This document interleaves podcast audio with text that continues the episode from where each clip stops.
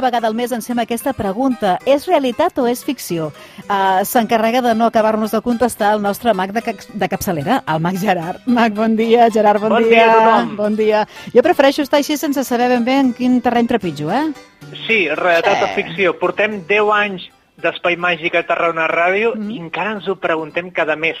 Molt bé, I, i per molts mesos més. I Tot tant, i i que tant. arribem al final de la temporada regular. Intentarem tenir alguna goteta de màgia aquest estiu, però de moment, allò regularment de dir una vegada al mes, se'ns acaba temporada. Gerard. En principi tornarem al setembre, a finals de setembre, després de Santa Tecla, Mhm. però si no, mai se sap amb la màgia. Igual a l'agost podem fer una mica de màgia. Tant de bo. Doncs vinga, comencem amb l'esquema habitual del programa, no? Sí, de què parlarem avui? Doncs mireu, història de la màgia. Richard Kaufman, un dels dinamitzadors màgics més importants de la història de la màgia. Dins d'Escola de la Màgia, on explico sempre un joc de mans, un truc. Aquest us encantarà, i a tu, Núria, també. S'anomena granissat màgic. Ah, Com fer de forma màgica un granissat. molt bé. Interessant, eh? Sí. I recomanacions màgiques per l'estiu. Llibres, jocs a internet... En fi, moltes cosetes. Doncs vinga, anem a posar en fil a l'agulla Història de la màgia.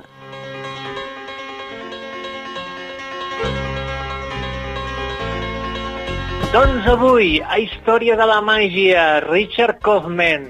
Recordar que aquesta secció la fem conjuntament amb el mag Daniel Arbonés. Això vol dir que si entreu avui a la seva, al seu web, és a dir, www.magia.cat, veureu el post molt complet amb molta informació que ha fet del mag que parlem avui. Mireu, el Richard Kaufman és mag, escriptor, il·lustrador i editor. Va néixer el 1958 a New York City i es va interessar per la màgia amb 5 anys. El seu tiet li regalava un joc de màgia de la casa Adams Company que seria el Màgia Borràs americà. És una, és una empresa, Adams Company, que encara existeix i que, eh, així com la caixa Màgia Borràs és una caixa, ells ho, ho feien amb, amb petits eh, jocs tipus blister, amb la qual feies una col·lecció al final i estava molt bé. El nostre convidat, el Richard Kaufman, a l'edat de 14 anys va inventar els seus primers efectes màgics i va il·lustrar el seu primer llibre, que es va comercialitzar, a l'edat de 16 anys. És a dir, espectacular. Un mag que sap il·lustrar de forma professional i dibuixar pot transmetre molt millor a través dels llibres el moment que has de fer la tècnica, com has de posar els dits per fer el, el, el secret, la tècnica, i això realment és un valor afegit. Crec que, treballar... un mag Mm. Digues, que digues. sàpiga de màgia, doncs que puc, si- sigui il·lustrador, amb la qual pot explicar molt millor la màgia. Pot ser que fos especialista en monedes? No sé si, si ho he Sí, llegit en és algun a dir, lloc. que va escriure els primers llibres de, de màgia en monedes, la numismàgia, que juntament amb la cartomàgia doncs és l'especialitat dins de la màgia de prop de més dificultat tècnica. Fins i tot m'atreviria a dir que amb monedes és més difícil l'habilitat, la tècnica que necessites que amb cartes. I eh, ha editat, a més a més, diferents magazins de màgia que són referents dins del món de la màgia, com Apocalipsi, juntament amb el mag Harry Lorraine, o el Richards Almanac, que era també mensual i participaven molts mags. Mireu, com a escriptor, il·lustrador o editor, ha participat amb l'elaboració de més de 120 llibres de màgia. És una tasca absolutament impressionant. Sí és veritat que aquest home no es dedica a actuar com fem altres, però tot i amb això, eh, a mi em, fa, em faltarien quatre vides més per poder... Jo que he escrit cinc llibres i vaig presumint, escolta, que jo, jo tinc cinc llibres publicats de màgia. 120 em sembla una, una bogeria, algo espectacular. Però dius que no es dedica a actuar, eh? No, No, home, és que si no ja, ja pleguem, tu. Si a més a més, a veure, un senyor que ha format família amb fills, ha fet més de 120 llibres i a més a més actués cada dia, eh, seria un déu, vull dir, ja seria Sí, fora d'aquest planeta. Déu-n'hi-do. Ha col·laborat amb el David Copperfield, el Chris Angel, el Chris Angel, perdó, els mags més destacats de, del món, i el 1998 va comprar la revista Genie Magazine, que és la revista més important del món, junt amb la seva dona, Elizabeth, i avui en dia editen mensualment la revista Genie Magazine, a part de tots els llibres que va editant um, Kaufman Company, la seva, la seva productora de llibres i editora. És a dir, que avui hem parlat d'un dels dinamitzadors màgics més importants de la història de la màgia i que els mags hem d'agrair moltíssim la nostra formació gràcies a aquest senyor. Si voleu saber més, si la voleu veure la cara, doncs visiteu el blog de màgia, màgia.cat, no? I tant. Molt bé, del Daniel Arbones. Molt bé, doncs vinga, anem a fer màgia, anem a fer granissats. Granissat, som-hi. Vinga. El gel, però, picat ja o no? Què necessitem? A veure, Amb la música de Mastreta acabo de veure que és molt granissat, és a dir, que queda bé. Avui queda bé, queda tot, bé. Sí. tot perfecte. Sí, sí. Us explico què passa. Mireu, amb una tassa posem, per exemple, una mica de llimonada, si volem que el granissat sigui de llimona. Mm. Simplement girem la tassa cap per avall completament i la llimonada es transforma en glaçons de llimona que cauen, per exemple, si teniu un plat damunt la taula, plup, i ja teniu un granissat a l'instant, o, o glaçonets petitets. Això és la transformació en gel de llimonada amb granissat. Ah, això és molt efectista, és molt espectacular, eh? Eh, Et quedes amb tothom. I a Sí, més sí. a més, és un joc que ho pots fer en qualsevol lloc.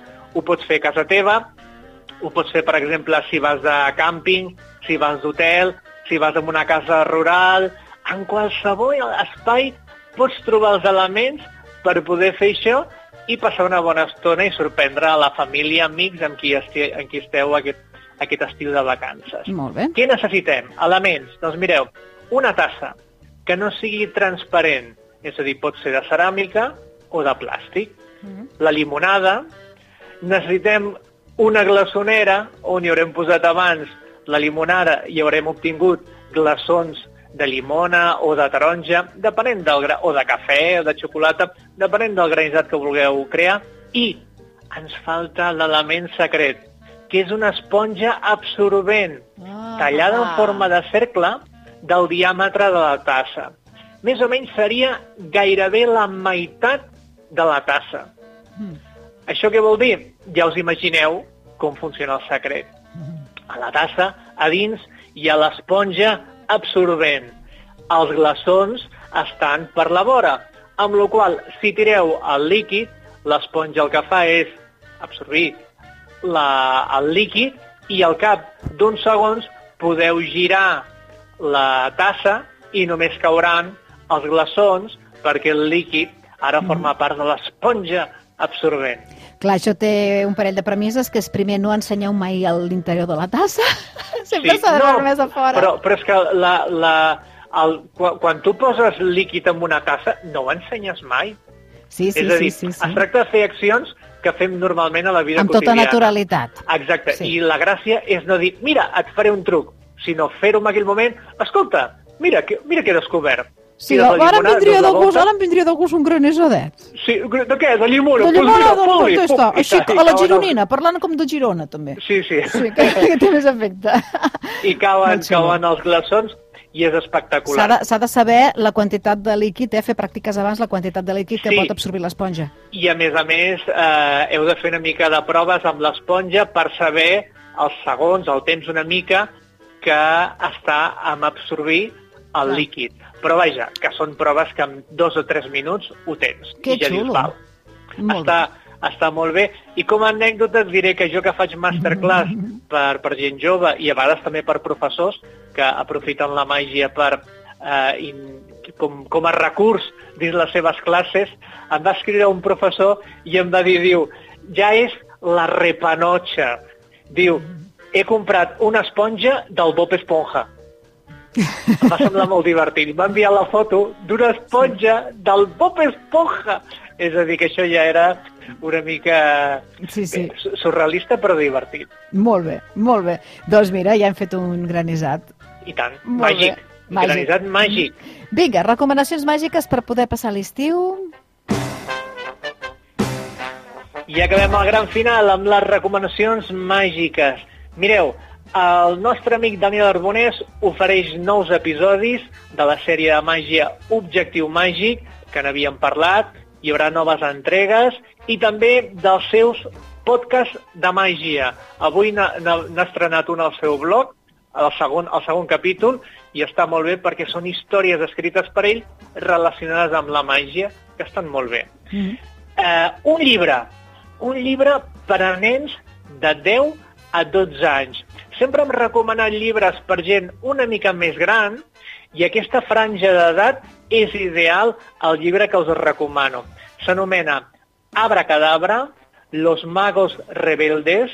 És un llibre de temàtica màgica i el seu autor és molt mediàtic, és el Neil Patrick Harris, que dius, oh, qui és aquest senyor? Sí. Home, és el protagonista de sèries com Como conocía vuestra madre i moltíssimes bueno. pel·lícules que, mm. que ha fet amb, bé, des, des de que va fer la, la, sèrie de Doctor, que era ajudant de doctor, que era, que era molt jovenet, doncs mm. té una trajectòria, a més és actor, mag, cantant, escriptor, ballarí, fa de sí, tot sí, aquest sí. senyor. Per al públic jove, el públic a qui va adreçat aquesta publicació també, eh, ell és el dolent, és el conde Olaf d'una sèrie de catastròfiques desditges de la sèrie de Netflix. Sí, I tant, sí, sí, sí. sí. Superxulo, molt bé. I també Això dels un... pitufos, els barrufets també, També? sortia per allí, és a dir, de que en fi, han fet moltes. Doncs aquesta Abracadabra té dos volums, és a dir, és una Los Magos de Rebelde i està molt bé, enganxa molt i per a nens de 10 a 12 anys la temàtica màgica està molt ben aconseguida i no només amb les il·lustracions, sinó el tipus de vocabulari enganxa amb aquest tipus de- d'edat. És a dir, molt, molt recomanable aquest llibre. Mm. I eh, què us recomano més? Una cosa molt curiosa. És un joc per a gent de 6 a 99 anys, com aquells jocs clàssics de tota la vida que diuen de 6 a 99 anys. I, té, i, si té, I si té 120 anys, és igual, també, també ho pot fer. S'anomena El científico loco, 20 trucos científicos asombrosos, i és una col·lecció amb diferents sèries de 20 targetes amb experiments màgics. És a dir, cada capseta té 20 targetes i cada targeta un experiment màgic per fer en família. Mm -hmm. Molt divertit i amb elements quotidians que podem trobar en qualsevol lloc. Molt bé, déu nhi les recomanacions en Tèmia pels, pels tres mesos d'estiu. Sí, Però sí, així ja, ja podeu gaudir de la màgia en qualsevol moment. Però esperem, a Mac Gerard, retrobar-te. Eh? A veure si és possible, si ho podem fer juliol, agost, Sí. els dos mesos, ja ho veurem. Enca encara que truqui des de les Bahamas o des de Sí. qualsevol lloc, que saps que els mags ens podem Sí. teletransportar Tu instantàniament. Tu truca, en qualsevol moment que truquis t'entrem en directe, fem, una, fem un xas. Molt bé. Perfecte. Mentrestant, la gent pot entrar al web www.teatremàgic.es i així veure què és el que passa de màgia aquí a la vora. Molt bé. Mac Gerard, moltíssimes gràcies, bon estiu. A vosaltres, fins aviat.